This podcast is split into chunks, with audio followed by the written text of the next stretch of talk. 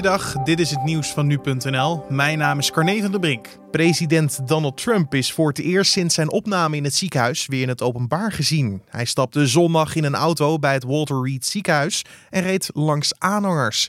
In een videoboodschap op Twitter deelde Trump kort voor zijn rit mee dat hij een verrassingsbezoek zou brengen aan de patriotten die op straat zijn. It's been a very interesting journey. I learned a lot about COVID. I learned it by really going to school. This is the real school. This isn't the let's read the book school. And I get it and I understand it. Eerder op de zondag liet de persoonlijke arts van de president weten dat de toestand van Trump aan het verbeteren is. Hij mag mogelijk vandaag het militaire ziekenhuis verlaten.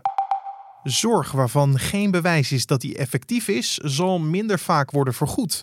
Zo stelt voorzitter Sjaak Wijma van Zorginstituut Nederland in een interview met het AD. Zij geven advies aan de overheid over de samenstelling van het basiszorgverzekeringspakket. Volgens de voorzitter wordt er te weinig gekeken naar behandelingen die in het pakket zitten, terwijl voor de helft daarvan geen wetenschappelijke onderbouwing is. Het ZIN wil in het basispakket gaan schrappen omdat de zorgkosten ieder jaar verder oplopen.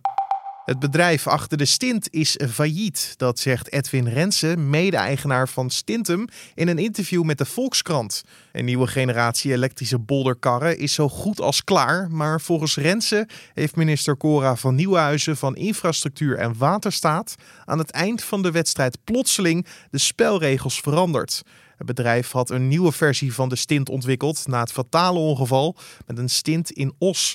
Bij de botsing met een trein kwamen twee jaar geleden vier jonge kinderen om het leven en raakten de begeleider en een ander kind zwaar gewond.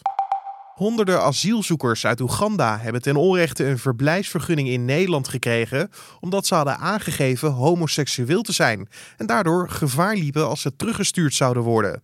Dat blijkt uit interne stukken van de Immigratie- en Naturalisatiedienst die zijn ingezien door NRC. De dienst vermoedt dat een netwerk van mensensmokkelaars in Nederland en Oeganda de asielzoekers hebben begeleid met hun aanvraag.